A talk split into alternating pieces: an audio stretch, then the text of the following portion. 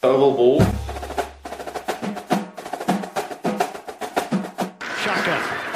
Murray out of the pocket. Seven seconds. Six seconds. Murray heaves it downfield. It is. Oh, it's caught. It is caught. DeAndre Hopkins.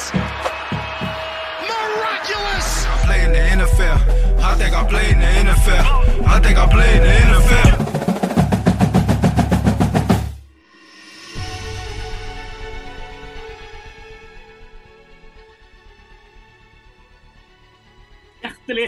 Velkommen til Oval ball. I vårt digitale studio i dag sitter jeg, Reidar Mølsjåder, og med meg har jeg de to store NFL-idiotene og nerdene, Kenneth Karlsen og Stian Syvertsen. Hei, dere. Hallo! Hei! I dag, i dag har vi Oval balls første gjest noensinne. Vi får med oss Asbjørn Slettemark, som skal fortelle om alt han kan, alt han vet om NFL. I tillegg skal vi ha faste spalte som ukas flagg og ukas anbefaling. Så jeg rett og slett sier til dere alle, da lar vi bare snappen gå. Football til folket. Football til folket. Football til folket.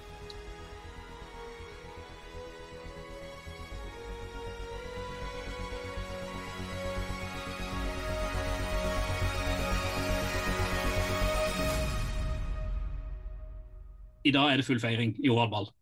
Vi har vår første gjest på besøk. Vi skal ha besøk av Asbjørn Slettemark. dere. Jeg, bare, jeg gleder meg så vanvittig. Men jeg vet òg at det er én ting til som egentlig må feires like mye, iallfall i stua hjemme i Grimstad, Kenneth. Og hva er det for noe? Det er at jeg har hatt min aller første dag i foreldrepermisjon. Så nå skal jeg være 100% podcaster i, frem til 4. august. Eller jeg skal være 100 pappa, mener jeg, frem til 4. Du august. skal pappa det så. Ehm, så eh, jeg har hatt en eh, ekstremt fin dag. Eh, jeg holder på å bygge hønsehus. Eh, det kommer ti kyllinger i løpet av helga. Det blir jo spennende, selvfølgelig. Eh, og så holder det noen på å bygge utestue, eller eventuelt podkaststudio i hagen min. Eh, det er da innleide snekkere, så det er kjempegøy å bare følge den Det kan jeg følge live nå, da, nå som jeg ikke jobber lenger, men bare går tur og koser meg.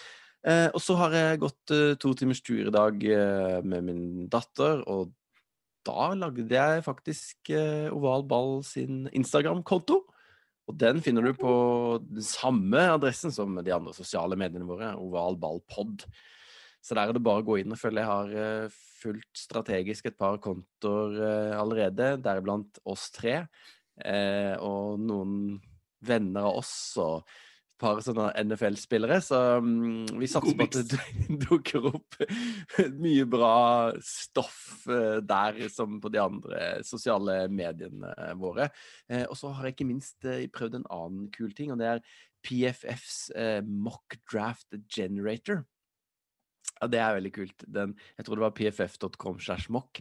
Eh, da kan du da altså Den genererer en mock-draft, da. Så du kan velge å være et lag, eller alle, da. Det er jo ganske stress, selvfølgelig. Men hvis du velger ett, jeg valgte da Bengals, så kan du velge da Får du de sine picks, og så går draften De andre velger, så, du, kan du velge, så er du on the clock! Så, ja. Eh, så det, det var en Ja. Det, det gjorde jeg i dag. Den er kjempegøy, hvis du liker NFL, da. Så det har jeg gjort. Men eh, hva med deg, Reier? Hvordan har din uke vært? Nei, Jeg merker at du bor på Sørlandet med, skulle jeg si, lite å gjøre, lavt kostnadsnivå, og hvor man da man glemmer å være pappa for at man er pappaperm for å gjøre alt annet. Det er så herlig. Nei, jeg har skulle jeg si, hatt en rake motsetning. Jeg har hatt ei uke selvfølgelig midt oppi koronakaos her i, i Oslo, hvor eh, i barnehagen vår så er det jo sånn at du, du kan ikke komme der hvis du har litt, sånn, litt for mye snørr. Så jeg jakta på snørr ei uke, og her for en dag siden så var det litt for mye snørr. Så jeg måtte holde sønnen vår hjemme fra barnehage, og så har det vist seg at det er allergi. Så sånn er det her i koronakaoset. Så min, min uke har i stor grad dreid seg om hjemmekontor. Zoom, zoom, zoom, zoom. Snørr, snørr, snørr. snørr. Og gleder meg til i dag. Hvor vi skal besøke Asbjørn Setermark. Så det, er liksom det, det, det, er moro. Og så har jeg gått rundt og irritert meg over eh, Jeg skal ikke banne, da, men dette er superliga og fotball. og Det viser bare liksom at oval ball eh, på alle måter akkurat nå er mye bedre enn den runde ballen. Eh, for der er det iallfall kommersielt, og det er greit. Og sånn skal det være. Så, eh, men, jeg, men jeg håper jo du Stian, at du har hatt ei litt bedre uke enn det jeg har hatt på, på, på både digitale og det personlige nivået. Nei, kanskje. kanskje. Det er, det er morsomt at vi skal ha det møtet her på Zoom også, så du får litt ekstra. Så får vi se om det blir noe snørr sånn i løpet av, i løpet av episoden òg.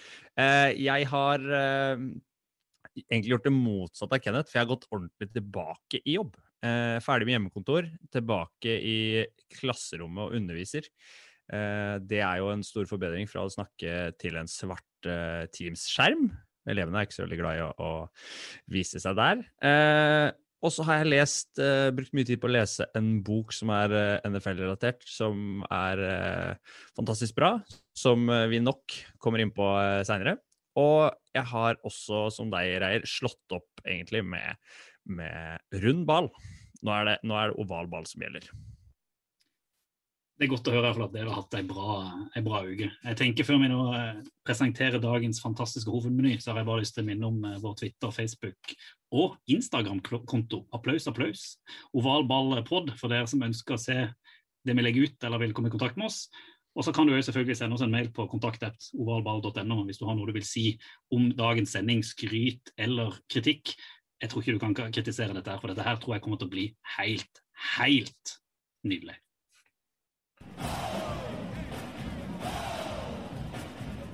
Oval. Fotball til folket. Vi ønsker velkommen til mannen som er de to forrige tiårene mest kjent som musikkekspert og hardrockentusiast gjennom å være programleder i Lydverket og Pyro på NRK. Han har også litt av æren av at Stavanger-kameratene sto på scenen i årets MGP-finale, da han som idoldommer var med å gi seieren til Glenn Lyse i 2007. I 2021 virker det mest som mannen er mest opptatt av å løpe, bade hele året og kjøpe pølse hver fredag, mens han bruker dagene til å få betalt for å se TV-serie og skrive krimblogg sammen med Aslak Nore. I tillegg bruker han uforholdsmessig mye tid på en podkast om tysk fotball, bl.a. sammen med barndomshelten og naboen til undertegnede. Men grunnen til vi har invitert han til oval ball i dag, er fordi han personifiserte oval balls leveregel 'football til folket' aller først gjennom å lede Norges befolkning gjennom Superbowl på Statskanalen midt på natta i 2010. Hjertelig velkommen til Norges mest kjente NFL-ekspert og NFL-entusiast, Asbjørn Slettemark. Ja, tusen hjertelig takk. Det er en drøm som blir virkelighet av å få, få lest opp en intro om seg sjøl. Det er veldig stas, altså. Var det, var, jeg håper alt her, alt her stemte. Jeg syns det mest spennende kanskje er jo det du driver på med nå om dagen, hvor det er, hvor det, hvor det er veldig mye bading, løping og pølsespising. Men uh, du Ja, har jo en ja. ganske god historie. Fra, Ja, nei, altså det, jeg tror faktisk alt her var riktig. Altså den Pølsespisingen den foregår vekselsvis torsdag og eller fredag. Det kan òg foregå på, på torsdager. Så det var den unøyaktigheten må påpekes. Og så, eh, altså Minnet mitt Altså jobbting går, um, går ofte litt sånn over hverandre. og En, en, en del ting er litt, uh, litt blurry. Men jeg mener å huske at jeg var programleder for Superbowl i 2010 og 2011. da er du unnskyldt. Jeg befant meg i Saudi-Arabia i 2011, så det er Ja, derfor ok. dette her forsvant. Nei, da, da, da, da er du unnskyldt. Da var Reier stappa på bacon. Ja. Mm. Men den, eh, den, jeg følger deg på Strava, Asbjørn. Ja. Og eh, du er jo tidlig på'n hele uka. Ute og løper og bader, og det er jo utrolig Mm. imponerende at du får til det. ja, nei, det er jo um, Altså, jeg, det må sies jeg er veldig glad i å stå opp tidlig. Det har jeg vært egentlig alltid. Um, så nå, uh, spesielt når det er pandemi og ting er litt rart, og, og så tenkte jeg ok, jeg må få benytte det til noe ordentlig konstruktivt. Så da har jeg lagt inn sånn fast løpetur og morgenbad hver morgen før familien står opp. For jeg vet jo sånn, jeg liker jo veldig godt å løpe. og Ikke nødvendigvis trene, ikke så glad i det, men å, å løpe liker jeg veldig godt. og jeg vet at Hvis jeg får gjort det på morgenkvisten, så kan jeg gå rundt med bare verdens beste samvittighet hele dagen. Og ikke sånn at jeg tenker på sånn Åh, å nei, og når skal jeg prøve? Ok, Hvis jeg spiser middag klokka fem, så kanskje jeg er klar til å løpe klokka sju. Nei, sør, da skal jeg legge Oscar. Nei, det passer ikke. Altså, ja. Kjent, eh, kjent i familielivet, det. Men det er jo den isbadinga også. Det er jo blitt en sånn trend nesten nå i, eh, Mm. nå i eh, koronatider. Men du har jo holdt på med det en stund før det, har du ikke det? Jo, altså jeg har en, eh, en kompis Altså jeg har bodd i Berlin noen år, flytta hjem nå i, i fjor sommer. Så er det noen kompiser, spesielt en, Tord Krogtoft. Um, han er vel nå inne i femte-sjette sånn sesongen med sånn altså al alvorlig isbading. Nå Og i dag, faktisk, i dag så bada han Det var hans dag nummer 400 på rad. Uh, så, så da vi flytta hjem igjen i, i fjor sommer, så i høst så ble jeg bare med så først én-to ganger i uka, og så litt oftere. Men nå er det fast. Og mandag til fredag så er jeg med og bader. Da har vi vært gjennom egentlig oktober, gjennom liksom den harde sesongen. Beinhardt. Beinhardt. Mm, det er kjempegøy. Jeg må jo, vi, vi er jo her altså Jeg skulle gjerne prate egentlig veldig mye mer om isbaning og løping. Vi er jo her for å prate mest om NFL og amerikansk fotball. og Mm. det Vi er opptatt av, vi prøver i hvert fall i oval ball det å, å skape eh, liksom et, en, en arena for folk som kanskje ikke er superinteressert i bare statistikk og sånn, men eh, å finne litt ut hva, hva som er liksom fascinasjonen med dette spillet, som skiller seg Mm. jo litt fra en del andre, andre spill. Og Vi har tidligere hatt litt, vært inne på hvorfor vi i denne poden er interessert i, i NFL. Eh, Jeg nevnte litt i stad grunnen til at jeg syntes det var spennende. Det var egentlig i 2011. Jeg bodde i Saudi-Arabia, de hadde, ikke, de hadde jo verken øl eller bacon. Amerikansk ambassaden hadde begge deler, og Superbowl. Og Ja, den, oi. den kombinasjonen der gjorde at det plutselig ble NFL litt inter interessant. Mm. Men eh, hvis jeg liksom går tilbake, hva, hva var grunnen til at du ble opptatt av NFL? For du har liksom vært kjent nesten i flere tiår liksom som Jeg har jo sett i avis NFL-eksperten Asbjørn Slettemark, og du har Mm. ledet sending om NFL. Hvor, hvor starta dette? her? Men da starta på tidlig 2000-tall. Eh, altså Før da så hadde jeg jo sånn som eh, mange andre sett, eh, sett Superbowl-sendingene da de gikk på var det gamle TV3 som hadde Jeg husker Jan Stenerud var vel involvert i noe greier der.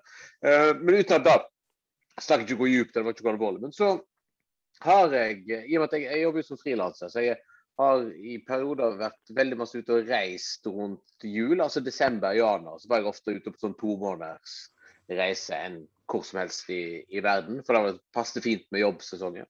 Um, og så, uh, litt utpå ja, 2002, så endte det opp med at det ble sånn fast vinterferie i Costa Rica i Mellom-Amerika. Og da kom jeg alltid ned der rett før jul.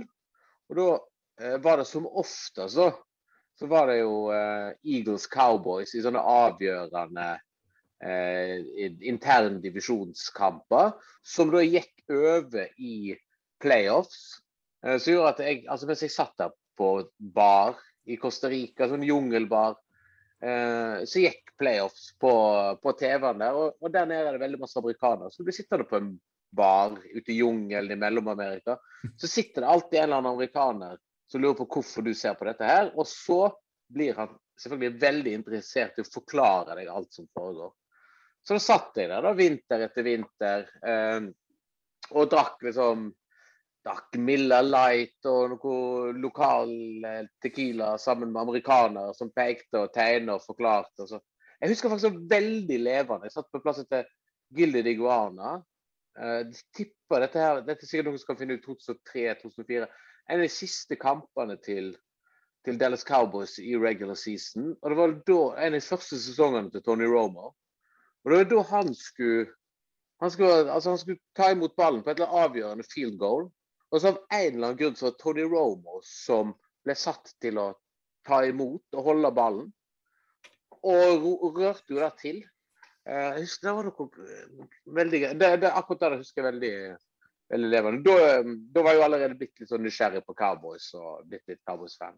Nei, så det, det var egentlig de, de vintrene der å sitte med amerikanere og drikke øl gjennom playoffs, da, da var det som, eh, som sementerte mitt forhold til, eh, til, eh, til NFL og amerikansk fotball.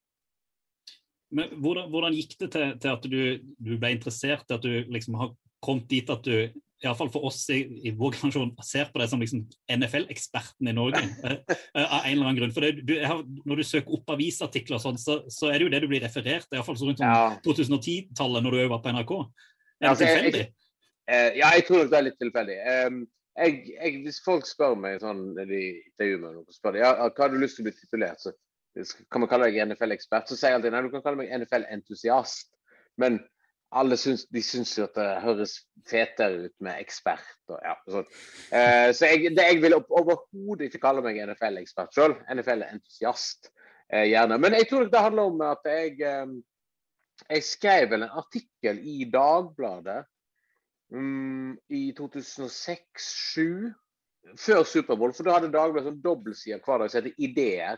Så var en slags sånn, en sånn temaartikkel. Var ganske kult om forskjellige tema eh, hver dag. Og da skrev jeg en om Superbowl. Eh, og dette var jo før Superbowl blitt i Norge, da, det gigantarrangementet det egentlig er i dag. At det er blitt en sånn, nesten en, en nasjonal festdag. Um, og da skrev jeg litt om altså, hvor stort Superbowl var, hvor viktig det var, og sportslig. Hvor, hvor mye større sånn, som atletisk sport NFL er enn hva en kanskje tenker. Altså, dette er jo ikke, det er ikke 22 kjøttkaker som springer på hverandre. Det er fryktelig avanserte eh, taktiske ting som skjer, pluss at det er litt sånn fysisk så er dette en av de best krevende sportene som finnes. Så da førte vel igjen til at NRK ringte meg, NRK Sporten, da når de av en eller annen grunn ja, Dette ble veldig langt, men altså det som skjedde var til, til, til, Det var gjerne så, så, rare tilfeldigheter. For da var jeg blitt programleder i Lydverket. Og så var det sånn Hvordan var dette? Det var i hvert fall da at NRK hadde overtatt Nei, det var fall sånn at Viasat eller Viaplay eller TV3 eller hva det heter, de måtte offloade en del rettigheter som de hadde eh, pga. noe VM i fotball eller EM i fotball, et eller annet. Og da hadde de spurt NRK dere, kunne, dere tenkt, kunne dere tenkt dere Superbowl i år? Vi har ikke kapasitet til å produsere det, det er for dyrt og det er for masse mannskap som skal gjøre andre ting. og Man har ikke, man har ikke tid, råd til overtidstimene med nattejobb og sånt. og Da, da sa NRK ja til det. Og da var jeg allerede på huset som lydverkeprogramleder, og da spurte noen på Sport meg ja, du, har du lyst til å tid. Og så, ja, ja, klart. klart da. Var det fint å være etablert NFL-ekspert? Ja. På allerede det tidspunktet? Ja, ja. Altså, jeg, jeg, jeg har skrevet én artikkel i Dagbladet, så får jeg uh, NFL-ekspert. Men, uh, men det, det skal jeg si altså, til NRK sitt forsvar, det var jo at jeg, jeg var jo programleder allerede. Og, sånn, og det å være programleder for en sånn NFL Superbowl-sending krever jo en viss kunnskap. Men det viktigste er egentlig å ha kontrollen på programlederjobben, ikke på nødvendigvis alle tall og fakta. Men, men den, den, lange forklaringen, la, la, oss konkludere med at jeg er NFL-entusiast. Nydelig. Men en del av den uh, entusiast, entusiasmen er knytta til noe spesielt lag. Jeg ser du har på deg en Dallas eh, Cowboys-genser uh, nå. Ja.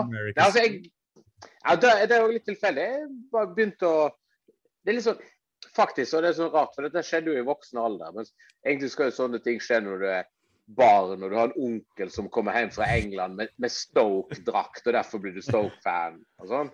Men i voksen alder så så jeg et av mine favorittband, Pantera, fra Texas, eh, gå i Dallas Cowboys-merch. Eh, eh, og da, Det var akkurat da jeg liksom begynte å bli litt interessert i NFL. Uh, så da passet det veldig fint med Dallas Cowboys. da. Uh, og så etter hvert så skjønte jeg vel egentlig mer etterpå Jeg var blitt litt, jeg hadde liksom blitt litt følelsesmessig investert i Dallas Cowboys. At, um, at da var jo at Det var ikke et tilfeldig lag. altså Det var jo måtte, America's team, og det er jo liksom Jerry Jones som styrer det. Det er jo liksom Fred Burns eh, Nei, altså Mr. Burns sitt eget uh, fotballag omtrent. Det er liksom så corporate og evil som det kan bli. Men, uh, men derfor Men jeg er faktisk helt fornøyd med den. Jeg må beskrive den til lytterne. Genseren her. For jeg kjenner dere igjen kjenner dere igjen hva, hva, hva Cowboys-genser er? Nei. Nei. Nei. Det er gensere som de, de lager sånne veldig kul faktisk merch for alle lagene eh, i, med jevne mellomrom. Som heter eh, 'Salute to Service'. Ja, stemmer. Det ja. Så ser jeg amerikansk flagg her, og så er det sånn kamohette. Mm. Og så er resten av genseren er liksom, det er så veldig varm. Det er fordi det er vinteren. Så veldig så varm, deilig flis. Um, og den um, er det sånn som de er i samarbeid med Forsvaret, som sånn hyllest altså support our troops og alt sånt. Så det, altså det, det, er så NFL på sitt mest patriotiske som, som, det kan bli. Men den fant jeg da på Amazon i Tyskland. For de koster egentlig sånn 1800 kroner eller noe sånt. Selvfølgelig sånn skamdyr NFL spesialmerch. Men hvis du ser her, så er det én ting som mangler her. Jeg vet ikke hva som er greia, men av en eller annen grunn så har de glemt å trykke på Nike-merket akkurat her. Og derfor solgte Amazonen som sånn outlet-vare til 30 euro. Det blir jo nesten finere uten det merket. Ja, ja, ja det var jo det jeg tenkte. Men det, det er akkurat samme grense. Så, så nå sitter jeg og blir litt varm, kjente jeg nå, i, i varm flis. Men men det får gå. Men har du, har du vært på noe, noe Cowboys-kamp, eller har du fått sett noen eh, NFL-kamp eh, i USA eller andre steder? Ja, altså jeg har sett to kamper i USA. Um, jeg, har, jeg har faktisk jeg har hatt et par veldig kule NFL-kampopplevelser. Uh, det første jeg vil, jeg står vel kanskje igjen som det liksom største, litt pga. at det var eh, det var første gang, og det var liksom rart. og ja. Men meg og en eh, kompis hadde vært i uh, New York og sett uh, Mastodon og Deftones og Alice in Chains spille i Madison Square Garden en lørdagskveld. Og Dagen etterpå så skulle flyet vårt gå hjem fra Newark, altså flyplassen i New Jersey. Og i, dette var jo samme året som jeg hadde hatt Superbowl-sendinga. Uh, og så tilfeldigvis på vei Altså ett kampen blir det da i klokka ett i New York, tror jeg. Altså sju-sju-kampen her hjemme. Mm. Den var jo da på Meadowfields mellom New York Giants og um, Tennessee Titans. Så da passer det helt perfekt å dra innom Meadowfields på veien til flyplassen. For den er jo rett ved sida av. Altså Det er jo ute i New Jersey, ute i, på en parkeringsplass der. Men så var problemet at vi hadde jo masse, hadde bagasje med oss. Hvordan hvordan skal vi ordne dette? Og så, så hadde jeg ordna via jeg skal ikke NRK eller TV3, så hadde jeg fått, rett og slett fått presseakkreditering. Um, og det som er kult i USA sånn som journalist, er at hvis du drar der altså Hvis du er på en måte vanlig tilskuer, så blir du behandla dritbra. Altså, fordi det er jævla god Kan se masse om publikumsopplevelser på NFL-kamper, men det er veldig serviceorientert. Men hvis du har journalistakkreditering, så betyr det at du får adgang overalt. Så vi endte opp med å bare gå rett inn i vet Når du ser spillerne gå til kampene i de spillertunnelene rundt under liksom der som spillerbussen kommer. Der kunne vi bare valse inn med bagasjen vår og sette den på sånn oppbevaring. Um, og så husker jeg så er ikke han det var? Å, er det Eli Manning? Å ja. Sånn, ja. Litt. Og så var, da var vi så, så den kampen. Det var dansk middels kamp. Jeg husker ikke resultatet. Jeg tror Titans vant. En av de første kampene på nye Meadowfield Stadium. Uh, endte opp på pressekonferanse med Eli Manning etterpå, som var òg veldig uh, spesielt. veldig gøy. Og så så jeg to kamper i London, altså på det her International Series. Så Broncos mot 49ers i 2010. 49ers vant 24-16. Uh, Broncos, ganske uinteressant lag. Men det var én ting, og det er jeg ganske fornøyd med. Jeg har sett Tim Tebow eh, levere en touchdown i NFL. Eh, og for, eh, for de som har kommet til NFL de siste årene, eh, og som kanskje bare klinger litt sånn svak bjelle bak eh, med Tim Tiber, at det er litt sånn et navn som en bare så vidt har hørt, så anbefaler jeg veldig å gå tilbake og lese litt om Tim Tibor. For da var et sirkus uten sidestykke sånn Ja, akkurat den perioden, 2008-2010. Sånn der eh, homeschooled, ultrakristen fyr. Som Altså, han klarte ikke å kaste en eneste rett ball. Altså, alt var helikopterkast. Eh, men han hadde en sånn vill collegekarriere og ble jo drafta av Denver Broncos. Var ikke han i Jets en periode etterpå? Husker du det? Ja. Eh, og alle, alle skjønte jo at det kom ikke til å gå bra, men han var sånn fenomen. Husker dere han spilte med sånne, han hadde sånn bibelvers malt på øynene, så hver gang han blunka, så sto det sånn Johannes 3,16 på øyelokket. Alt, ja, ja. Vokste, vokst opp med sånn homeschooling ute i sumpene i Florida. Ja, det var, så det er stas å ha sett han eh, levere en touchdown. Eh, og så så jeg 49ers mot Jaguars eh, i, og på Wembley. Eh, 42-10 til 49ers. Kampen drept, ødelagt med en gang.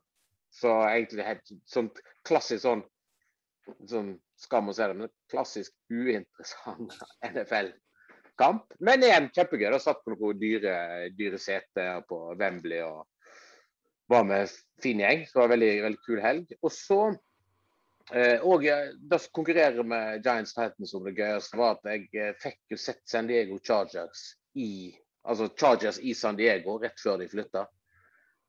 Eh, ganske lurvete stemning. Eh, for dette var jo da, det var nest siste sesongen. Tror jeg det var siste hjemmekampen. Og da trodde jo alle at de skulle flytte etter den sesongen. Eh, Så eneste folket som var der, var jo bare litt sånn tjukke, feite Florida-folk på ferie i San Diego for å se på Miami Dolphins på bortekamp. Men med meg og sønnen min, som da var ett år, han var med. Det var hans første NFL-kamp. Han holdt ut et første quarter, tror jeg. Eh, for det er jo ikke eh, altså, På en NFL-kamp så er det jo ikke ett sekund pause. Det er jo, En tenker på TV, og det er masse reklamepause og det er liksom masse stopp i spillet. og sånt. Men i det øyeblikket det stopper i spillet, så er det jo nattklubb på stadion. Altså det er jo Enten det er Rick Ross eller det er Ossie Osborne eller det er Metallica på fullt volum og skjermer som bare eksploderer av Go loud, go crazy! Altså. Um, så da, det er vel de fire kampene jeg har vært på. Og så må jeg jo nevne at um, For vi har vært en del i San Diego. for uh, Søster til, til dama mi jobber der, så vi var ofte på ferie i San Diego, som, som kan anbefales på, på det varmeste.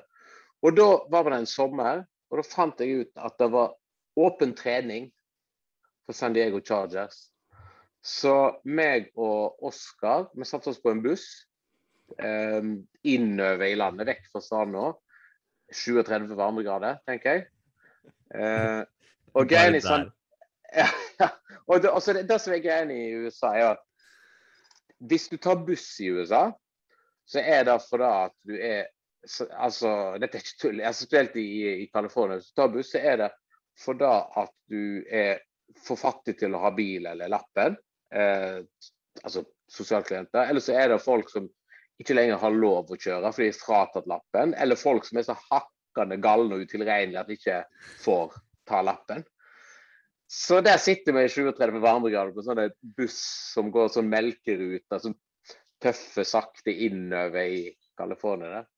Ehm, og kom, men kom oss da på åpen trening med San Diego Chargers. Som er en sånn, Hvis noen er i en by der det da foregår, så er det veldig kult. For da får du en sånn ultraamerikansk opplevelse med sånn, sånn Chargers-familier da, som kommer sånn to gjerne litt overvektige mor og far.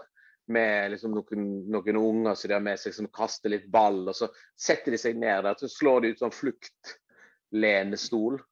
Og bare jekker opp den første av tolv Millers Light.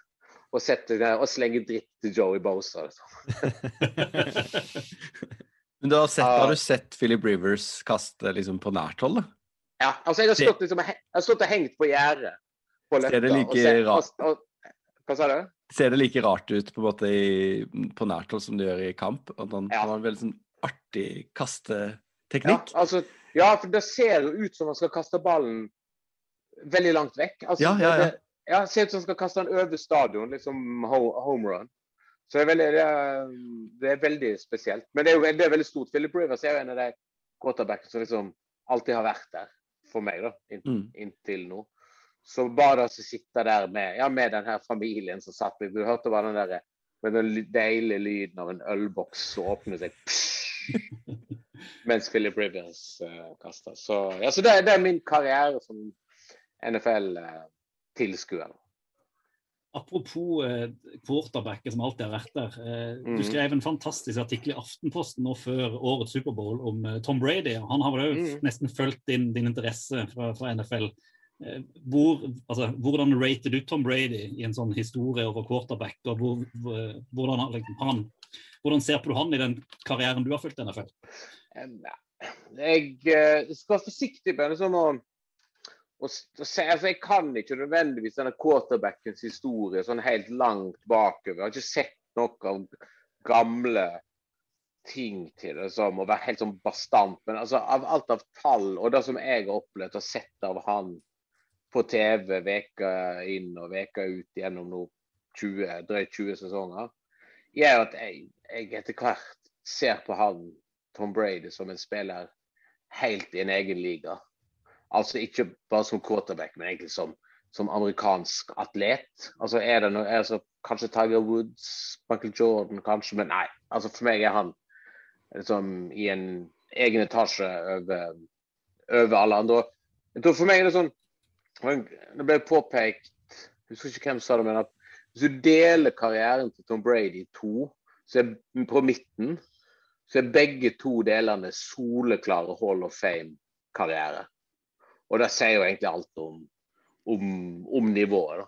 Um, så det som jeg sier at jeg synes jo Altså, jeg har jo Som mange andre så det jo, har det vært vanskelig å se på Patriots uten å føle en eller annen blanding av forakt og eh, avsky og avstumpahet. Jeg blir helt sånn nummen av den suksessen til Patriots gjennom de siste årene. Men det er sånn å se um, å se Tom Brady i, i Tampa har faktisk vært overraskende gøyalt. Jeg føler litt sånn Tom Bradys litt sånn indie-karriere.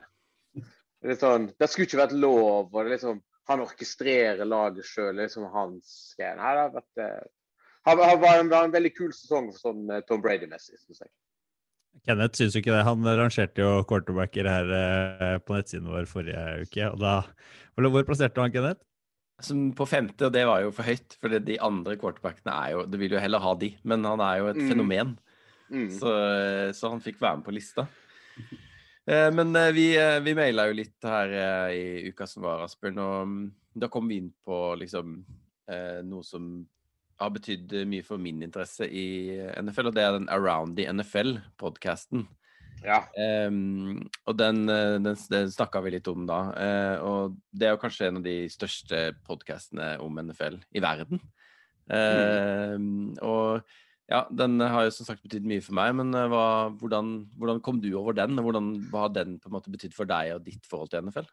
Ja, det er en, en kamerat av meg som heter Jon Skjebstad.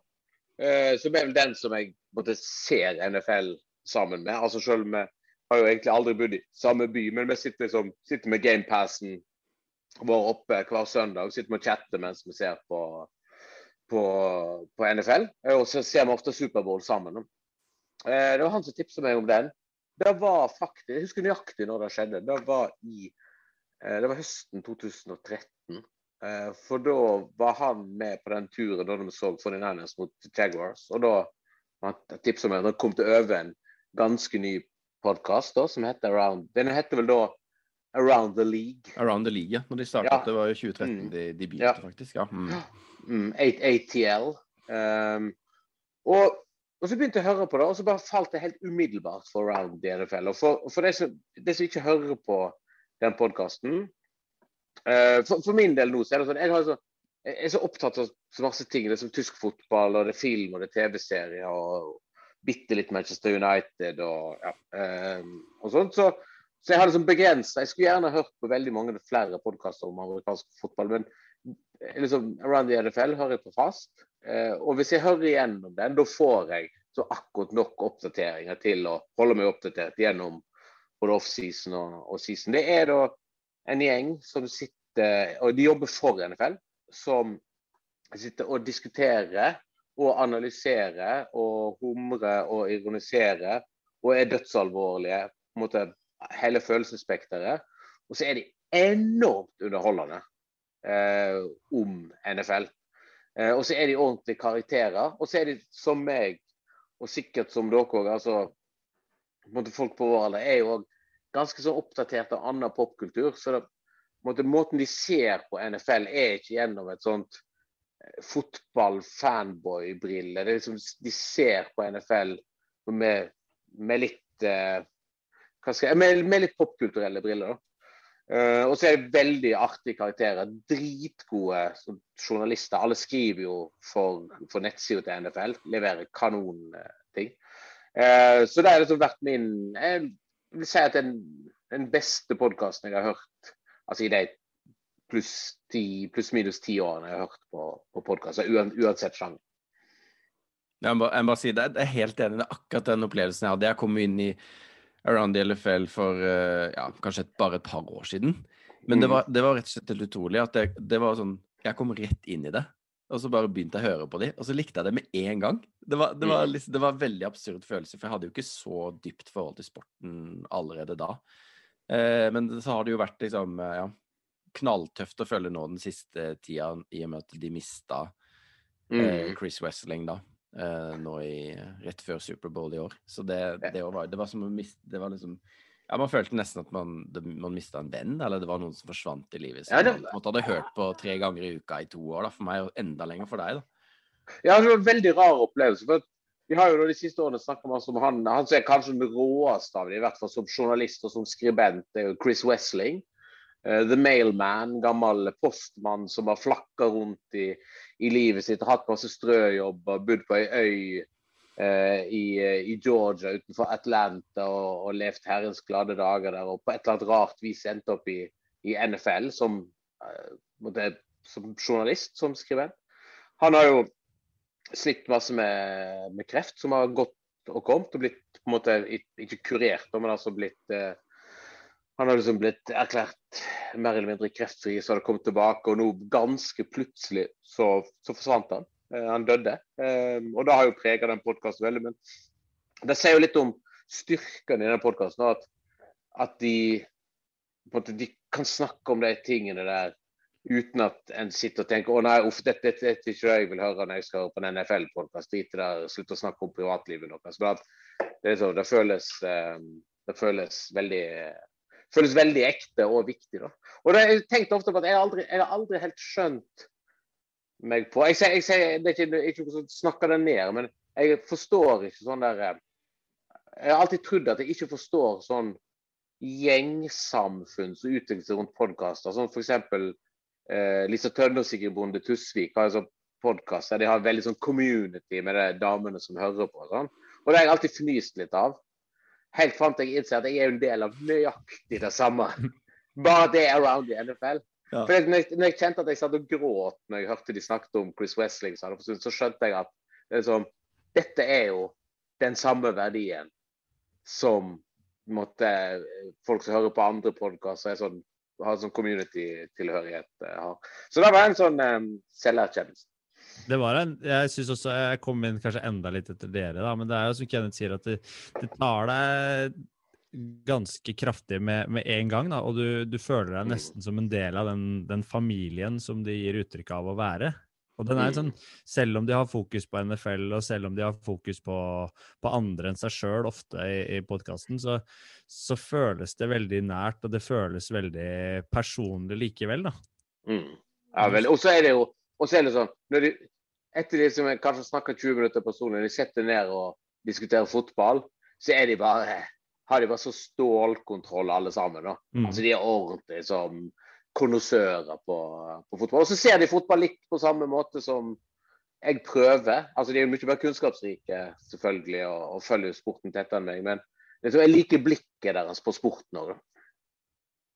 Ja, og ikke minst de skråblikka de har, som du nevner, med de popkulturelle referansene og brillene Mm. som de har på hele veien. Altså, du, får en, du får et sånn ekstra krydder i den praten. Det er ikke det beinharde analysefokuset som de har i NFL-studioer i andre, andre podkaster. Mm. Jeg leste også en veldig fin hyllest til podkasten til Chris Wessling i The Athletic. Jeg vet ikke om du Ja. så den, men den var også veldig Og den, de snakka jo med han journalisten i den forrige episoden Mm. også. Eh, Ja. Jeg hørte sånn- da var veldig bra. Ja, da, jeg kjente jeg på samme som deg, at det var et par tårer faktisk som kom uh, nedover kinnet der. Og det, det er veldig rart at en podkast treffer så kraftig da, som det Mm. den gjør.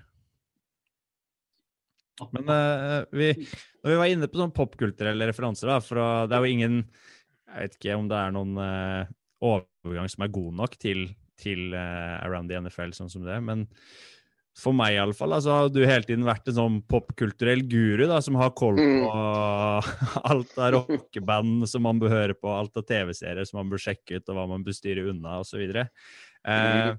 litt av grunnen til at vi starta opp og ønsker å videreføre den podkasten her, er jo nettopp for å kanskje treffe flere som kunne vært interesserte i, i NFL, da.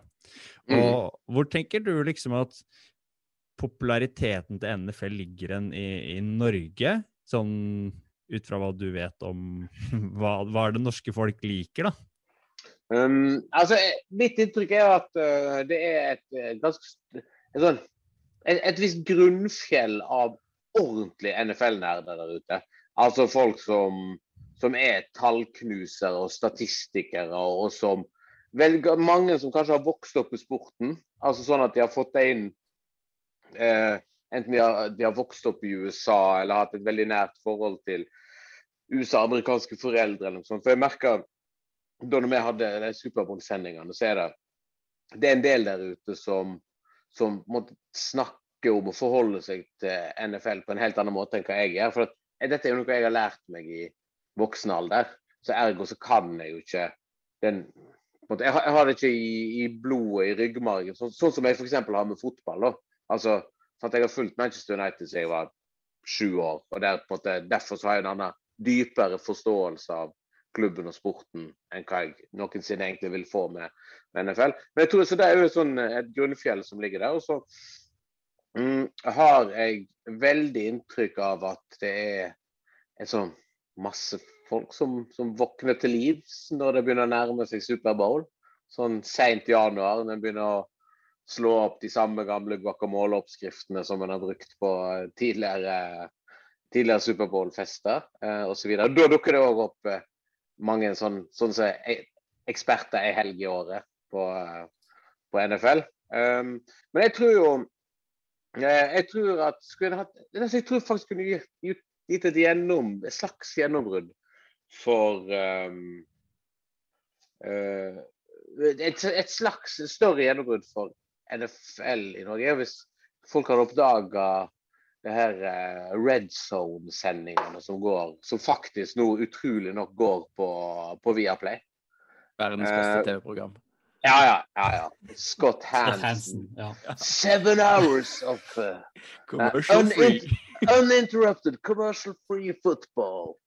Og så da det har begynt med de siste årene, og det beste er jo det er vel klokka er det, for det, det Sendinga begynner jo klokka sju, er det ikke? Jo. jo. Og så klokka ni da er det It is the witching hour. Ja. Så setter han i gang med den siste timen, og da begynner ordentlige ting å gå stille. For, men hvis, hvis, vi Altså, ikke stort gjennombrudd, men, men jeg tror den sendinga har et enormt potensial i seg. Hvis den har blitt pakka inn og, og, og på en måte forklart og solgt ut til folk.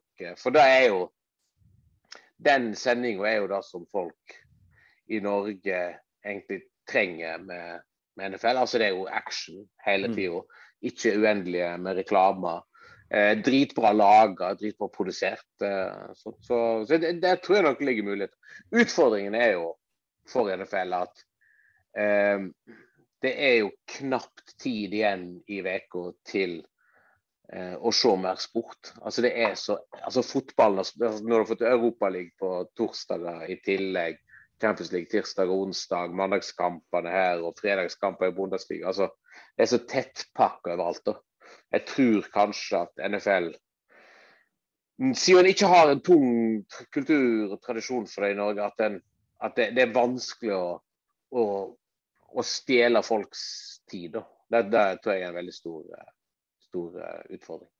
Det som er interessant kanskje nå, da, er jo å se på den Uh, og sammenligne det litt med fotball, i hvert fall denne uka her, hvor det superligasystemet har herja ganske kraftig i mediene i hele verden. da. Så mm. er jo det nesten en sånn tanke som kan ligne på måten NFL er organisert på, på et vis. da. Mm. Hva, hva hadde du tenkt på det? Nei, det er jo, det er jo åpenbart at uh, uh, altså det, det er ikke tilfeldig at en drar de sammenligningene mellom mellom Superleague og NFL. Men det, altså det, den hovedforskjellen er jo at NFL er jo latterlig bra corporate forankra. Altså det er en businessjobb som er gjort der.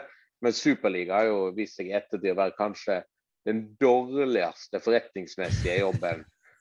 eh, en som skal være positivt med Superliga, kan si at de jeg, jeg Først når jeg hørte om Superliga, tenkte jeg shit, nå er det et eller annet advokatkontor som har fakturert 300 millioner for å ha sittet i to år og jobba med dette. her. Men så viser jeg at de har ikke hatt noe advokatutgift i det hele tatt. For de har ikke gjort noe jobb på forhånd i det hele tatt eh, med Superliga. Men det er åpenbart at den er inspirert av, eh, av eh, NFL. Det er jo veldig mange av altså mange av de spesielt engelske lagene har jo eiere som òg er eiere i NFL. Altså hovedsakelig da Kronke, hva er det han eier? Rams? Rams. Ja, Arsenal-eieren. Og så selvfølgelig Glacier som har Tampa Bay, ikke sant? Mm. Uh, og der har de jo Mm. Han er, er det Jacksonville-eieren som er inne i Fulham. Å ja, OK. Det er det òg, ja. ja. Og så er det ja, vel Leeds eh, har vel også Der eier vel eh, 49ers-eierne Jeg tror de eier 40% eller sånn av Leeds. Ja. Ja, sant. Ja, så de skjønner jo altså det er jo inne i dette altså, sånn, Abramovic han har jo Chelsea som leketøy. og og de eh, Araberne og gulfstatene har det for at de skal liksom, finpusse litt på ryktet sitt og sånn. Amerikanerne er jo inni der for at de skal make a dollar.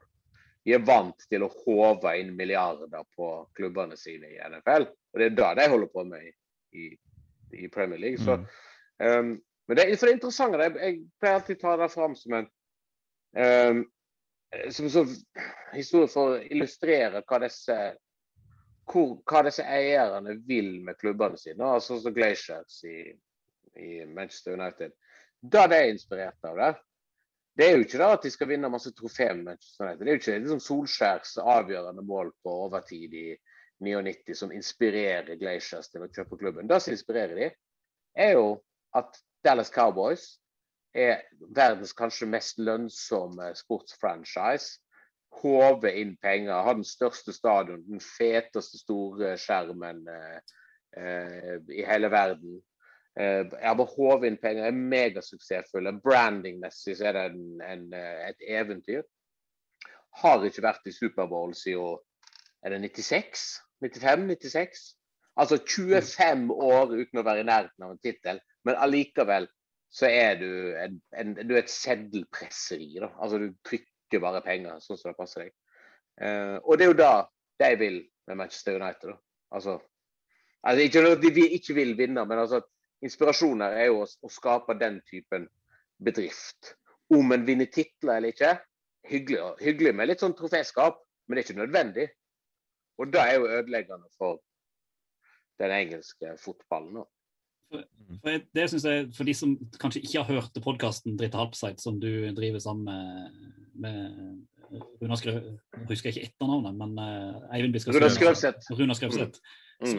Det som, jeg, som jeg syns er kjempeinteressant med det dere gjør der, det er jo at dere det, går ikke inn å det er veldig sjelden det kommer fotballresultater og analyse av hvordan spillet men der går veldig inn på fankulturen. altså der, der prater Mm. veldig mye om hvordan eh, fans er kobla til klubber og alle ting som skjer med fangrupperinger og sånn. og for en som da er interessert i NFL, så det virker jo rett og slett som nesten en rake motsetning. Altså tysk fotballkultur og NFL virker som å stå på altså to vidt forskjellige sider.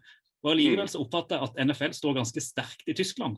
Men, men ikke, det var egentlig, to spørsmål i ett. Altså, hvordan går det egentlig an å være så lidenskapelig opptatt av to ulike ting som er så langt fra hverandre, kan det hvert virke sånn, som NFL-kultur og tysk fotballkultur? Og hvordan står egentlig NFL i, i Tyskland nå som det virker som at de skal komme og spille kamper der òg? Uh, altså, for min egen del så jeg, handler det om at jeg er veldig opptatt av begge deler, er jo at uh, amerikansk uh, fotball har jo på altså, For meg så er jo det en refleksjon av, en speiling av det amerikanske samfunnet på sitt beste og verste. Altså, eh, måten NFL er bygd opp på med, med som draft-systemet er jo helt genialt. er jo helt briljant. Med unntak av Patriots. Da, sant, så, altså, du, hindrer du i stor, gra i stor grad lange dynasti. Eh, det er faktisk muligheter for alle. Altså, sant? eh, Jeg hørte dere haussa jo veldig opp Cleveland Browns i forrige episode. Det er jo et lag som nettopp har gått fra en av de verste tapsrekkene i NFLs historie. Et par år senere, hvor man det, to år senere, to, To år, ja. så, Mm. så, så er de en contender.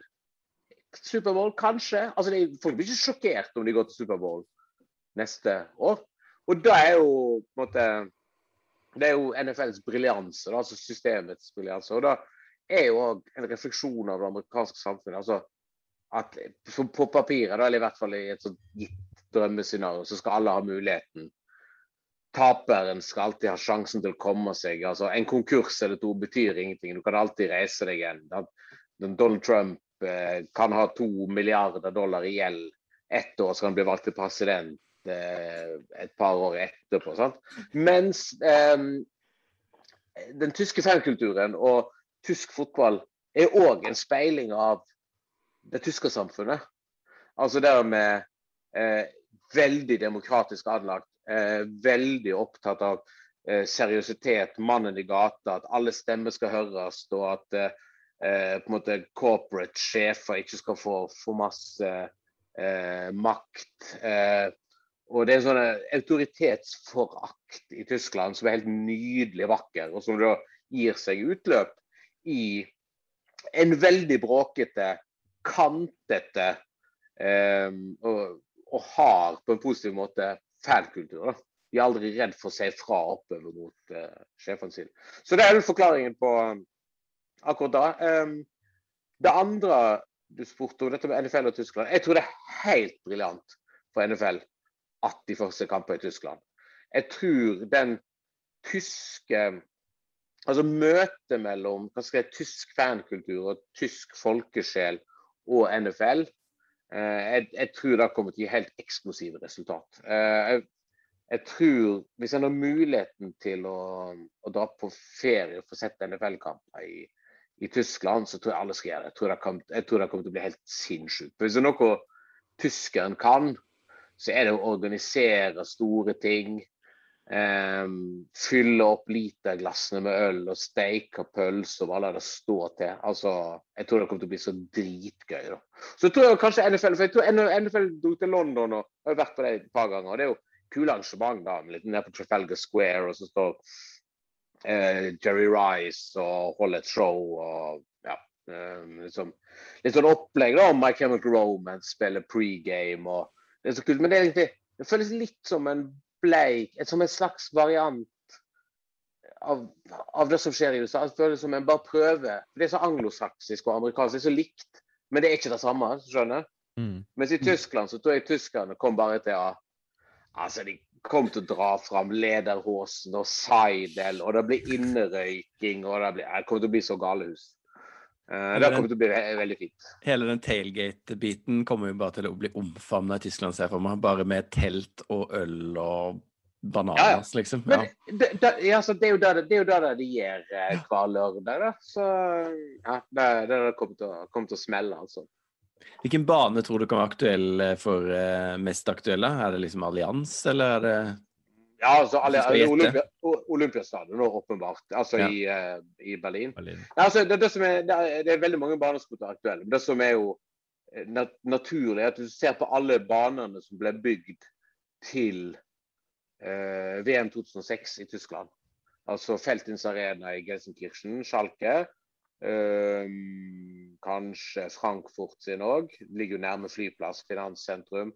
Olympiastadion, selvfølgelig. Allianse Arena òg er jo 2006-arena. Eh, Moderne arena med Det som er viktig, er at du må jo ha type, eh, NFL krever nok en del VIP-fasiliteter som ikke nødvendigvis er til stede på de arenaene som er, ikke ble nybygd til, til 2006.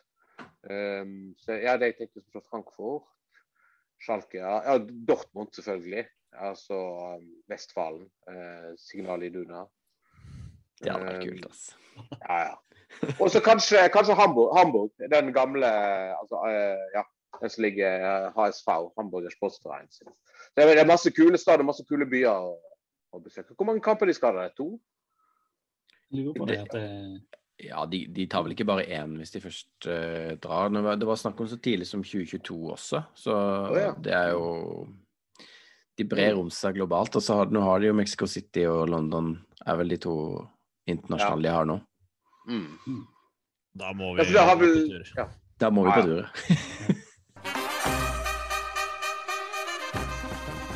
det er det beste jeg har hørt. Dette er gøy. Oh, det der det er fett. Oval ball anbefaler.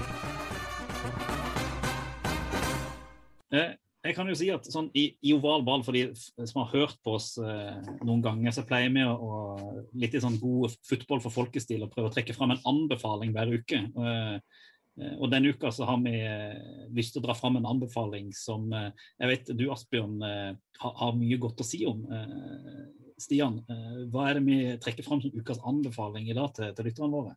Eh, I dag tenkte jeg vi skulle holde oss litt i Johnny Unitas land, som vi, eller Uniteds land, som vi snakka om eh, litt tilbake. Og Mark Bowden er en anerkjent journalist som har skrevet en bok som heter The The Best Game Ever. Giants versus Colts 1958 and The Birth of the Modern NFL. Og den har jeg også lest nå nylig, og jeg sitter og klukkler for meg selv av alle historiene av karakterene som blir dratt frem, og måten han beskriver det på. Jeg eh, jobber jo vanligvis som norsklærer, egentlig, men å lese engelsk i den boka der er altså så lett og gøy å henge med på. Jeg vet ikke hva du sier om det, Asbjørn? Jo, jeg er helt enig med deg. Er, altså, jeg holder det som en jo de aller beste sportsbøkene. Egentlig er jo de beste bøkene jeg har lest. For Det som er viktig å nevne med, med Mark Bowden, er jo at uh, denne, opp, denne boka ble vel skrevet i forbindelse med et eller annet jubileum. Var det 50-årsjubileet for The Best Game Ever Played? Som jo er uh, hva er det, Colts, altså ikke Indianapolis Colts, men Baltimore, Baltimore. Colts mot New York Giants i 1958, som um, som er jo på en måte fødselen til moderne fotball. Det er jo grunnen til at NFL ble starta, blir ofte sporet tilbake til denne kampen. For den, Pga. at var første playoff-kampen som gikk inn i overtid, så eh, gikk han langt utover kvelden på TV. og Det bare samla seg mer og mer publikum. Jeg tror de var oppe i 45 millioner seere på det meste i 1958, som, som ga NFL et gjennombrudd som TV-sport. Eh, og som gjorde at mange skjønte attraktiviteten i NFL. Og ikke minst så var det en fantastisk eh, kamp òg. Eh, hvor var jeg? Mark Bowden som journalist? ja, ja. Mark Bowden som journalist. Ja, jo, så han, han ble vel hy, hyra inn da, i, i 2008-ish for å skrive bok til 50-årsjubileet. Men Mark Bowden er jo ikke, han er ikke bare en sånn tilfeldig sånn der eh, journalist til leie som ble henta inn for å skrive denne boka. Han, han skrev en annen av mine favorittbøker som heter 'Killing Pablo', som ble jo lenge regna for å være den sånn definitive historien om eh, jakten på Pablo Escobar, som igjen førte eh, til narkoserien, som sikkert mange har et eh, forhold til. Mm. Han har skrevet et sånn komplett sinnssykt verk om eh, som så, skal finne det, om eh, gisselkrisen i eh, Iran. Altså i 1979, den amerikanske ambassaden ble, ble, ble storma det ble holdt gisler. 'Guests of the Ayatollah', og helt eh, fabelaktig bok. Og ikke minst, husker dere filmen 'Black Hawk Down'? Ja. Mm. er selvfølgelig basert på en bok av Mark Bowden.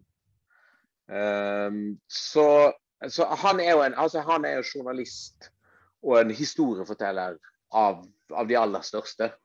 Eh, og da å se hans håndverk bli satt til å formidle denne kampen altså Når du, når du leser når du sitter og leser den boka, så du, så du sier at du sitter og humrer over disse karakterene. for Han har, dratt, han har funnet fram sånn hva, Når de står på liksom line of scrimmage, så har han funnet ut hva de, hva de liksom sier til hverandre da, for å hisse hverandre opp. Og, og han har så masse detaljer om slengkommentarer som dommeren har til en quarterbacken og trenerne seg imellom, og publikum og stemningen rundt stadion. Altså, du føler virkelig at du sitter der. Eh, Så den var jeg den ene bøkken. Jeg leste vel den i ja, altså, ja, ganske rett etter den kom, 2009-2010. Og da husker jeg ble sånn Den gjorde meg at jeg ble dypt, dypt forelska i, i, i amerikansk fotballs historie. Altså, er, jeg synes jo spesielt Du har, kan nesten dele boka litt i, i, i hvert fall to deler, da. For når kampen er ferdig, når Mm. de har feira etterpå, så går man gjennom er det hvordan han har hatt samtaler med de spillerne i etterkant, når de er blitt gamle, og han gjenforteller de historiene som de forteller der, da, og måten de forteller samme historie på. og Nei, jeg, jeg syns altså den boka var helt fantastisk. Og som du sier, da, når han kommer inn på og forteller eh, han Wilbur eh, Charles Eubank, heter han treneren til eh, Colts, da. Eh, Mm. han får jo liksom kallenavnet Weasel.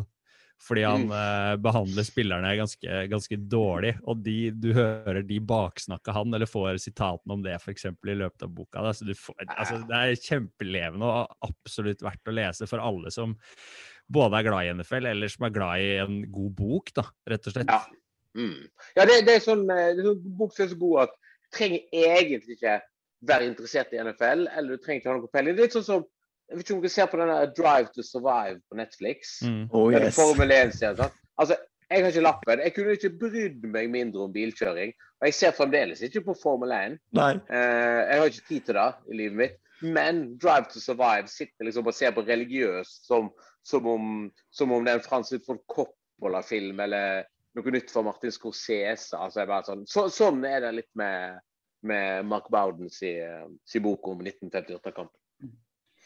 Jeg vet at du på, på den eh, bloggen som du har slått Nora sammen, altså, eh, Opp fem, så har du tidligere skrevet en liste over bøker som eh, omhandler NFL som du har anbefalt. Men litt sånn på spark i tillegg til Mark Bowden, er det, er det andre bøker eller medier du ville anbefalt til folk som har en liksom, snikende interesse for NFL, men som kanskje ikke kan så mye og har lyst til å lære, som du kunne tenke deg å nevne, inkludert meg sjøl, skulle jeg til å si, som sitter med mye kjærlighet, men lite kunnskap? Jeg har ei bok som alle må lese, som er eh, Husker da den kom, så tenkte jeg for husker, husker dere denne boka som handler om Motley Crue, The Dirt? Mm. Så handler det liksom om det sinnssyke rockestjernelivet til, til Motley Crew. Alle de galne tingene de fant på med, med narko og groupies og hva det måtte være. Det er skrevet en sånn bok om Dallas Cowboys. Eh, og den er helt forbanna fantastisk. Jeg skrev en som heter Jeff Pearlman, som er en veldig god journalist. Skrev også en biografi om Brett Favre, blant annet. Skrev om han baseballspilleren Barry Bonds. Den het heter Skal bare finne for Den har sånn fantastisk lang tittel. Skal vi se. Skal bare finne den eh, Jeg husker hva den heter, men jeg vil ha med hele Ja, her har vi den. Boys will be boys. The glory days and party nights of the Dallas Cowboys dynasty. Eh, det er den mest sinnssyke historien du har hørt eller lest om eh, Dallas Cowboys-dynastiet som eh, tok Var det tre eh, Superbowls i løpet Og var vel i fire? Altså 92, 93, 95 Nå, eh, Jeg er ikke så god på, på å huske tall, og sånt, men i hvert fall altså, historien om når Michael Irvin, som kanskje mange i dag ser i NFL-studio og tenker oi, han så ut som en litt, eh, litt, eh, litt brautende, men hyggelig type. Eh, Du får liksom historien om hvordan han, hans 30-årslag var. Um, og du får de mest altså kok, mest koko historiene er jo Har dere hørt den gamle historien om Charles Haley? Eh, altså Charles Haley som hadde vel fem ringer. To med San Francisco 49ers, og så fikk han jo tre med, med Cowboys eh, etter hvert. Han um, var kjent for eh, Han var de defensive eh, end, tror jeg. Eh, og var kjent for å være veldig dominerende i garderoben. Eh, Så han var, var annet kjent for at hvis du, hvis du satt i, i- garderoben til Cowboys, eller 49ers, så måtte du alltid sitte med ryggen inn mot veggen. for at Hvis du ikke satt med ryggen, hvis du satt for på sånn benk, og satt sånn, så var det en veldig stor sjanse for at du plutselig hadde en kjempestor penis hengende nedover ryggen din. Mens Charles, Charles Haley i det andre øret ditt bare skrek 'You know you wanna suck it'. Eh, som var hans største partytrick. Eh, dette eh, altså, På et eller annet tidspunkt så måtte spilleren si ifra. For han satt i sånn taktikkmøte, så hørte du sånn lyder. Og da sitter liksom Charles Haley bakerst og liksom tilfredsstiller seg sjøl. Mens han da mumler liksom innbitt navnene på kjæresten og konene til, konene til alle lag eh, medspillerne. Faen. Dette var Charles Haley. Og, og så er det en sånn historie om Michael Irvin. Den nevnte 30-årsdagen til Michael Irvin. For de hadde jo ved siden av Cowboys sitt sånn um, um, tre, treningsfacility, altså fasiliteter, så hadde de et hus som heter The White House. Og det var en sånn, et hus da, der Cowboys-spillerne sånn, kunne liksom slippe litt unna sånn plagsomme ting som ja, samboere og koner og sånne ting. Og, liksom, å, å invitere andre folk de hadde lyst til å treffe på besøk. Men på, um, ikke så langt unna derfra, på, på 30-årsdagen til Michael Irvin, så eh, var det noe politi som ble oppringt og kom til et sånn motell som lå i et sånn suburb utenfor Dallas. Så kommer de inn på det hotellrommet, og der er jo da um, en uh, Michael Irvin, 30 år gammel, eh, som er da i selskap med um, Stacey og Lacey og Barry og Cherry og liksom egentlig halve Dallas eh, utvalg av strippere. Og eh, nærmere seks gram kokain, som han skulle feire eh, 30-årsdagen sin med. Og så ble det masse rettssak og styr av dette her. Dette var jo, jeg tror dette var ja, 95-96, akkurat når de var liksom, Superbowl-lag. så skulle han i rettssal, og så sa han um, advokaten hans ja, du, når du kommer til rettssak til noen, Michael, snill, bare gi meg en kjennelse. Kle deg litt sånn seriøst, litt sånn business, og si unnskyld. og og liksom lat, liksom Kle deg litt sånn ydmykt. Uh, så skal jeg, jeg skal få deg ut av dette her, men det er viktig at liksom retten og at offentligheten skjønner at du er en fyr som er liksom seriøs og ydmyk. Dagen etterpå kommer Michael Irvin til rettssalen i solbriller og minkpels. det, det bildene her er, det, det fins bilder av det fra noen sånn Dallas uh, nyhets uh, gamle aviser. Det er helt fantastisk. Det, dette er bare liksom et par av en uendelig rekke med historier om det laget som òg da var totalt dominerende på, på 90-tallet. Så 'Boys Will Be Boys' av Jeff Burlman. Tung anbefaling. Lee Freeman from the 30. Flag is down. And Raymond has run out of bounds. Another flag comes in at the 32. There are six flags on the field. Òg hver uke Asbjørn, så prøver vi i sånn god stil å lære opp eh, folk innenfor NFL at vi prøver å trekke frem én regel og prøve å forklare den litt. Grann. Eh, og I dag så vet jeg at du har én regel som, du, som er din favorittregel i, i NFL, Mm. -hmm. som dreier seg om, om dommeren. Eh, hvilken regel er dette? Um, jeg ble oppmerksom på den regelen ganske tidlig når jeg fulgte med på NFL. For det var en eller annen spiller som gikk bort til dommeren. Det var et eller annet han var litt sånn misfornøyd med. Og så det, ser du det ganske sjelden. Du ser sjelden sånn på måte, hissig stemning mot dommere i, eh, i NFL. Jeg tror nok de prøver på et mer sånn subtilt form og på et subtilt vis å, å manipulere dommeren. Men det er ikke sånn der, eh, det er ikke sånn Didier Drogba, Cristiano Ronaldo, Ronaldo-opplegg de holder på med. da. Så jeg husker jeg så en eller annen spiller som gikk bort og Han var ikke sint, men han skulle bare liksom, han vifta litt sånn med hendene foran dommeren. Og da kom han liksom, han kom bare borti så vidt T-skjorta til dommeren. Og da ble han ejected from the game. Det var flagg med en gang. Bang, skutt. Og det husker Jeg det jeg ble så dypt fascinert av det. For jeg har jo vokst opp med ja, altså i senere tid sånn altså Ronaldo, eh, Drogba eh, og den der eh, Det som jeg syns er en sånn enormt provoserende, irriterende ukultur med syting, da. Og kjefting på dommerne, sånn surrounding the referee. Som, altså mitt Manchester United, f.eks., var jo kjent for det. Altså uh, liksom tre-fire mann bort og opp i Roy Keane som liksom bryster dommeren ut av banen. og sånt. Det er, jeg synes det er jævla provoserende. Uh, unødvendig. Så da når jeg plutselig så at i NFL så er det sånn I det øyeblikket du er borti dommeren, så er det altså det er rødt kort. Det er ut. Du får ikke være med mer. Du har ingenting å gjøre. Og så skjønte jeg òg etter hvert at det er liksom Jeg tror det er fra ganske så tidlig alder av i Når du spiller amerikansk fotball som kid, så får du som innprenta det der med at altså, du skal konsentrere deg om spillet ditt. Du skal naile dette. Drit i han er dommeren. Ikke rull rundt som Neymar. Ikke slutt med det der. Det, der, det der går ikke, da. Altså Noen sånne rettferdighets- og anstendighetsting som blir innprenta i eh, amerikanske fotballspillere, som, som jeg syns gjør sporten faktisk veldig mye mer attraktiv å se på. For det framstår mye noblere enn f.eks.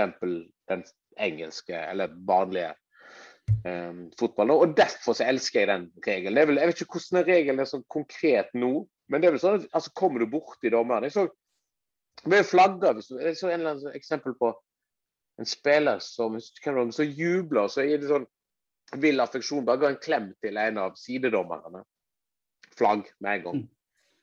Mm, helt uh, også, jeg må få nevne en annen, en annen um, regel.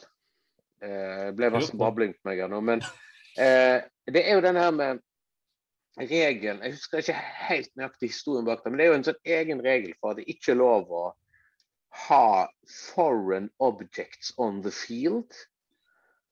Uh, som er jo T, det er pga. TO. Husker dere han? Terence Owens, som var jo i Cowboys blant annet. Det var ikke Terence Owens han heter? Som var sånn ordentlig spøkefugl. Han som alltid når, når uh, Cowboys liksom skåret en touchdown mot Eagles, så var liksom å danse sånn fugledansen opp på Eagles-logoen og alt sånn. Ordentlig spradebass. da.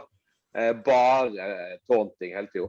Men han hadde jo for, altså, De har jo alltid masse sånne, sånn touchdown-jublingsritualer. alle, alle prøver å finne på noe gøyalt. Nå er det sånn at de driver og tar sel, liksom selfie. og er det jo, er det, er det, Hvor er det de hopper opp i crowden? Er det Lambo Field? da? The Lambo Jump? Nei, hva heter det? Jo Det er en av, en av banene i hvert fall. Det er vanlig å på en måte stage dive opp. Ja, gjør sånne ting. Terrence Owens han trodde han hadde funnet på noe jævla gøy. for Han, han skåret sin første touchdown i en eller annen kamp. Så bøyer han seg ned og så drar han opp en sånn sharpie, altså en kule, en sånn, en sånn merkepenn opp fra sokken. Og signerer ballen og gir den til en kid som er på tribunen. Og det førte til en regel som er at det ikke er lov å import object eh, imp eh, ha sånn foreign objects on the field. Så du har ikke lov å ha med deg en kulepenn i sekken, nei, i sokken. Helt, det er helt nydelig. Det, det er Mm. grunnen til at vi syns det er gøy med den der spalten og ukas flagg, for det er så mye å ta. og Så endrer jo reglene seg år for år ut fra sånne ting. Så Ja, ja. Eh, Jeg vet at vi, vi begynner å nærme oss din tilmålte tid. Det, jeg vil jo først og fremst bare si tusen takk for at du har delt av av din altså, enorme kunnskap om, om NFL og populærkultur eh, generelt. Og gutter, er det noe er det noe vi har glemt å spørre om, så er det liksom, nå er sjansen før eh, Asbjørn sikkert vender tilbake til, til TV-serien løping. og kan, er det, Skal du kanskje kjøpe pølse i morgen, eller var det i dag det ble gjort? I, I morgen er det pølse. I morgen er det pølse. I morgen så skal vi Det blir nok en ganske heftig superligadebatt eh, på Syverkiosken i morgen. Jeg, jeg har et spørsmål Asbjørn, som jeg tenkte på. For det, på. du er jo også glad i tatoveringer, sant? Mm. Har du noen NFL-tatoveringer? Eller kun, hvis du skulle tatt en, hva skulle det vært? Mm, skal vi se Nei, jeg tror Jeg bare prøver å tenke meg om. Jeg ser litt rundt. Nei, jeg tror ikke jeg har noen, faktisk. Oi, en NFL-tatovering. Jo, det kunne jo Det kunne vært gøyalt. Vet du hva jeg tenker litt på? Kanskje dere inviterer meg tilbake en gang senere, så kan jeg ha svaret klart. Kan du vise den? Ja, så Ja. Ja, men Det er fint, da har vi en deal at neste, neste gang du er her, så, så tar du med tatoveringa in person, og så skal vi ta, få tatt bilde av den på kroppen og få lagt den ut på, på sosiale Ja. medier. sånn at jeg, jeg, jeg, kan at, jeg kan garantere at det ikke blir et nakenportrett av Charles Haley. Men da, da vil jeg egentlig bare si tusen hjertelig takk for at du tok deg tid til å være med oss i uh, oval ball og, eh, og dele om alt du kan. Og eh, jeg har i hvert fall nikost meg. Det tror jeg dere har gjort, og det tror jeg lytterne våre har gjort òg. Så Ja, tusen, tusen hjertelig takk for at jeg fikk være med. Det var dritgøy å være med. Synes det var faktisk veldig kult, det er veldig kult å høre på, på eh, episodene deres òg. Så eh, kjør på, altså. Det er veldig kult at noen tar, tar ansvar og bruker Zoom og Teams til andre ting enn trøtte, jævla kjedelige møter. Tusen takk for det. Tusen takk.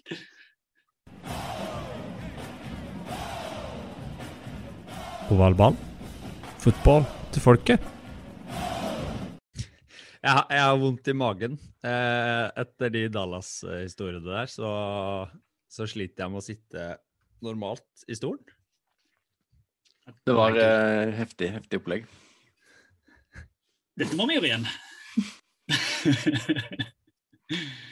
Ja, altså det var jo for en en, fantastisk eh, gjest. Det var jo helt utrolig bra og så Ja. Jeg er bare helt uh, over meg av begeistring for at, vi, at han gadd stille opp uh, i vår nystarta pod og hjelpe oss med dette. Det var jo helt fantastisk å bare sitte og høre på. Jeg tror vi liksom finner personifiseringa av vårt eh, motto, 'Football for folket'. Altså eh, Asbjørn Slettemark. Det er bare å gi han en plattform. Han gjør akkurat det som eh, er vår målsetning når det kommer til NFL. Herregud. Ja, her var det mye å ta tak i for uh, hvermannsen, tenker jeg. Og eh, mange gode anbefalinger, historier og ikke minst eh, utrolig mye humor. Og, bare for å bekrefte, altså å ta buss i USA Jeg har tatt eh, buss i LA. Det, altså, det er akkurat sånn han beskriver det. Det, det var helt fantastisk. Det er eh, for, som for å være et sannhetsvitne der, altså. Det var helt sånn det var. Ja, jeg har- jeg har bare tatt buss mellom New York og Washington, og jeg kjenner meg igjen. Virkelig. Du, blir liksom, du får det der blikket over at hvorfor er du egentlig her? Eh, ja, Jeg har, tatt, eh, har jo tatt buss i, i Østfold. Det er jo kanskje akkurat sånn. Det er, så, det er sånn der òg. Oi, oi, oi. Nei, altså, jeg må jo si dette her må, må, må gjentas, eh, både med, med Asbjørn og vi skal, skal nok få invitert inn litt andre mennesker òg som eh, du kanskje ikke trodde var NFL-fans. Du trodde kanskje de gjorde noen helt andre ting, men eh, de er kanskje at de òg liker NFL. Eh, jeg tenker vi, vi må jo etter en sånn eh, deilig lang time, så eh, må vi jo avslutte. Men vi må jo minne litt om hva vi har tenkt å gjøre, gjøre neste uke. Og eh, jeg vet at vi har planer om å hilse på en svenske. Det stemmer. I, han, han skal jo få være med å hjelpe oss litt med, med reglene her, da, og regelboka. Eh, og så dekker vi jo på sett og vis eh, et slags sånn minoritets, eh, minoritetsboks, kanskje, når vi inviterer inn en eh, norsk-svenske, gjør vi ikke det? Jo, altså vi har Østfold, vi har Sørlandet. Så da er kanskje den siste minoriteten som må inn. Og Og så skal, vi jo, så skal vi jo også selvfølgelig eh, snakke enda mer om draften. Eh, det blir jo ikke siste gang heller, men eh, neste uke er det faktisk draft. Det er eh, bare en uke unna. Det er jo helt eh, vilt å tenke på. Vi har jo, vi har jo et veddemål gående med en annen norsk podkast som heter Pikkpreik. En annen norsk podkast om NFL. Eh, hvor da de, de som eh, leverer den beste mock-draften, eh, vinner da en signer, ikke signert, si, men en, en innramma Trevor Lawrence-trøye med en eh, signert, eh, signert ark om at den ene Den andre er bedre enn den ene i draft. Det var vel eh, det vi ble enige om på Twitter. Eh, og så har jo vi da levert vårt bidrag til denne eh, konkurransen. Ble levert eh, denne uka med vår andre versjon av mockdraften, eller mockdraft 2.0. Um, og vi kan nok kanskje Vi skal snakke litt om den, eller eventuelt den eh, 3.0, da, hvis vi velger å oppdatere den enda en gang neste uke. Det får vi se på. Men uh, vi skal snakke litt, om, uh, litt mer om draften, da, som er neste torsdag eller natt til fredag. Og den mokkedraften 2.0 den ligger jo selvfølgelig på nettsida vår, ovalball.no. Eh, Det må jo nevnes. så Der er det bare å gå inn og lese det vi håper er vinnermokken over, eh, over pikkpreik. Og det vil vi få svar på om litt over ei eh, uke. Før vi gir oss, så har jeg bare lyst til å minne alle om å sjekke ut nettsida ovalball.no. Du kan sende oss mail på kontakt.ovalball.no hvis du har noe du vil si, noe du kunne tenke deg å skrive, eller noe du bare har lyst til å hyle ut om NFL, som vi bør vite om. Sjekk oss ut på Twitter, Facebook eller Instagram på ovalballpod. Og eh, fram til neste gang så tror jeg rett og slett det er det en eneste ting å si til dere alle, og det er football til folket. Football til folket. Football til folket. Do the Titans have a miracle left in them in what has been a magical season to this point? If they do, they need it now. Christie kicks it high and short. Going to be fielded by Lorenzo Neal at the 25. Yeah, give it Pitches to- it, back to Wycheck. He throws it across the field to Dyson. He's got something. 30, He's got something. 50. He's got it. 40, He's got it. 20, 10. He's got it. End zone. Touchdown Titans. There are no flags on the field. It's a miracle. Tennessee has pulled a miracle.